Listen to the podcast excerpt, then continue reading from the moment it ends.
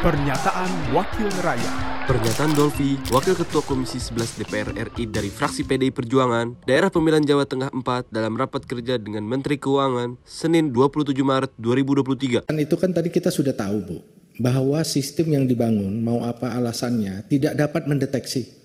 Tadi diakui malahan.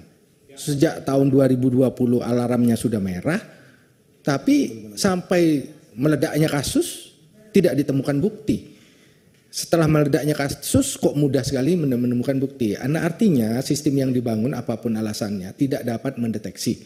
Nah kita ingin memastikan ke depan sistem yang dibangun itu dapat mendeteksi. Kan itu. Jadi kalau menjelaskannya defense kembali lagi dengan argumentasi oh karena ini, karena itu, karena ini sudah terjadi Pak.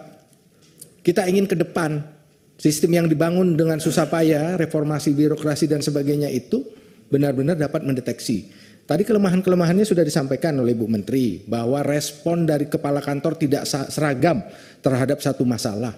Kemudian pengawasan internalnya kualitasnya hanya 40 berapa 52 persen yang ikut training, yang lainnya masih masih perlu ditingkatkan. Nah ini ke depannya yang kita ingin itu diperbaiki sehingga sistem yang dibangunlah yang mendeteksi bukan karena desas-desus, bukan karena kebetulan.